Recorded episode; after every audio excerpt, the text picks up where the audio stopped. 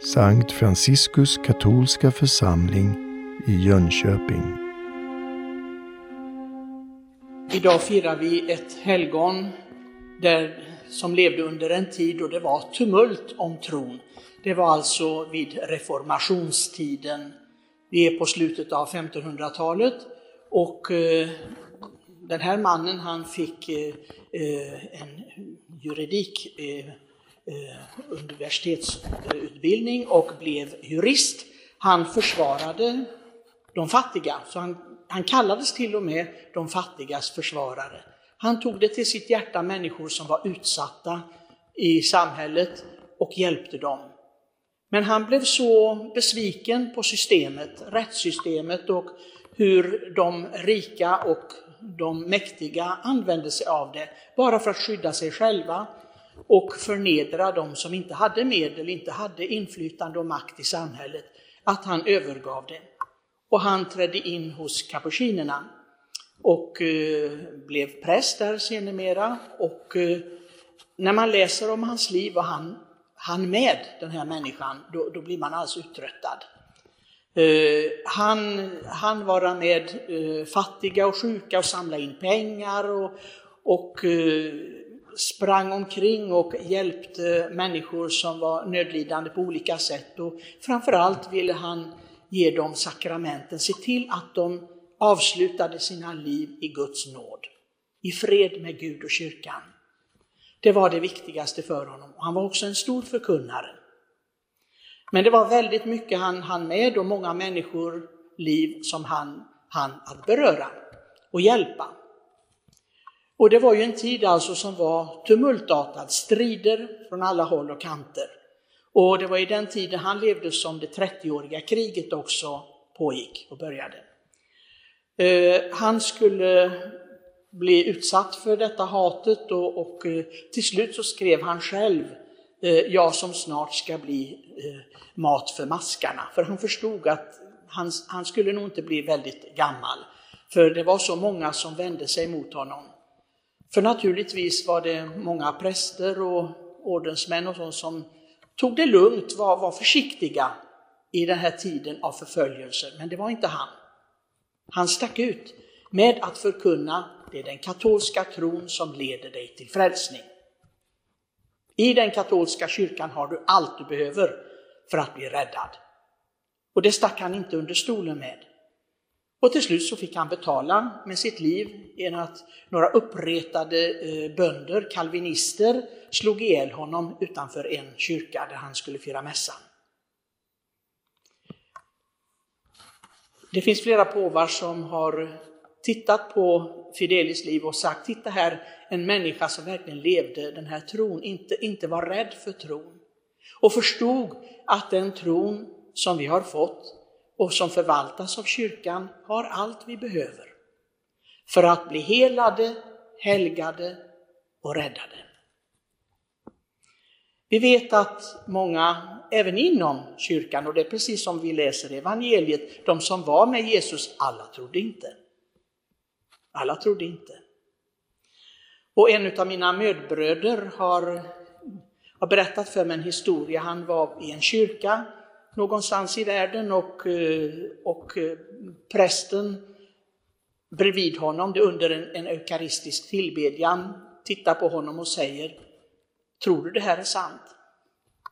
Tror du det här är sant? En präst. Vi förstår att inom Herrens led, de som finns, så finns det mycket brist på tro. Och det är allvarligt. Jag tänker ofta på lilla Therese som sa det, är det någon man ska be för så är det just prästerna. Titta, en, en människa, hon var ju bara 15 år när hon upptäckte detta. Hon sa, jag vill be för, mitt liv ska vara att be och offra för prästerna. För under sin pilgrimsresa med sin pappa från Lisieux till Rom, och de stannade ofta och de firade mässor på olika pilgrimsorter, bland annat eh, i Loreto, det heliga familjens hus här, så upptäckte hon, det stämmer inte med alla präster. Det, det står inte rätt till. De må ha blivit präster, men, men de mår inte bra andligen. De mår inte bra andligen. Och detta är en 15-årig som upptäcker det. Och hon sa, det är de som behöver förbön. Och vi ser idag, ni kanske säkert har hört, om att eh, tusentals präster, med biskopar, har skrivit under eh, att de motsätter sig Vatikanens uttalande om att man inte får välsigna samkönade äktenskap till exempel. Det är tusentals präster och biskopar i Mellaneuropa som motsätter sig kyrkans tro. Ni kan, ni kan förstå vilken kris vi befinner oss i. Vi, vi, vi, har nog aldrig, några har skrivit, journalister har skrivit att vi har nog aldrig upplevt en sån kris i kyrkan som vi upplever just nu. Här behövs mycket, mycket bön. Det behövs sådana som den helige Fidelis av Sigmaringen som förstod detta. Här kan vi inte ge upp. Vi, vi kan inte vara rädda för vårt eget liv och vara tysta. Herren säger än idag, vill ni också ge er iväg? De här tusentals prästerna och biskoparna har gett sig iväg från kyrkan. När de är, är i kyrkan fysiskt, ja, och försöker fira sakramenten, men de tror inte på vad kyrkan lär. De följer inte kyrkans lära. Ni förstår, de har redan satt sig utanför kyrkan. Även om deras kroppar finns vid altaret och predikstolarna. Vad leder de dessa människor som de är satta att leda? Vi förstår vilken fruktansvärd situation det är. Vi behöver inga fiender utanför kyrkan. det är inte samhället som är vår fiende. Det är många som inbillar sig detta. Fienden är enligt Fatimas hemlighet inne i kyrkan. Det är biskopar, präster, ordensfolk som inte tror och som förleder andra människor, de troende, till att ställa sig utanför kyrkans tro. Och Jesus frågar de som var närmast. Vi vet att de som stod honom närmast, en av dem skulle sälja honom för 30 silverpenningar. Förråda honom. En av de allra närmaste, Judas.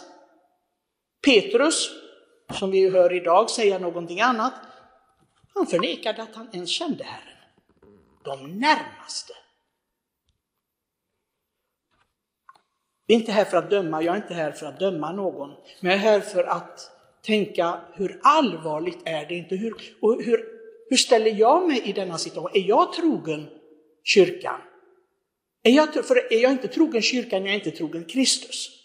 Det, det, det, det, kan inte finnas det. Nej, men jag, jag vill lyda Gud med mina egna inspirationer och, och, och så.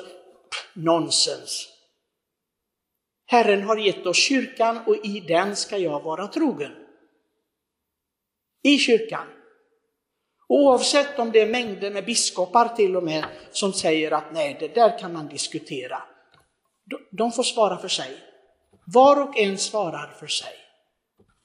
Men att jag är trogen. Fidelis av Sigmaren, han skrev en liten lapp av sin trosbekännelse innan han blev mördad. Och det citerade påven Benedikt den 14 och sa, titta här, hur djupt tron var i hans liv. Jag tror att den heliga katolska kyrkan har allt som leder mig till frälsning. Och det sa han en tid när allting ifrågasattes. Den tiden är vi i nu. Allt ifrågasätts. Må Herren göra oss trogna.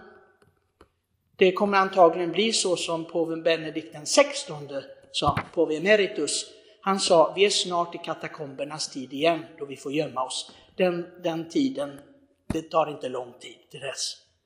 Och jag tror att vi snart är där. Det här är bara en, ett förspel till detta. Men ska jag vara trogen, ska Herren när jag avslutar mitt liv finna att jag har tro? För det är den frågan Jesus ställer till alla tider, till alla de som kallar sig troende. Ska jag finna tro på jorden när jag återkommer? Så det är en sak att vi rannsakar oss var och en. Vad är det för slags tro jag har? Kan jag stå upp för den? Kan jag leva den? Må Herren ge oss denna nåd. Amen.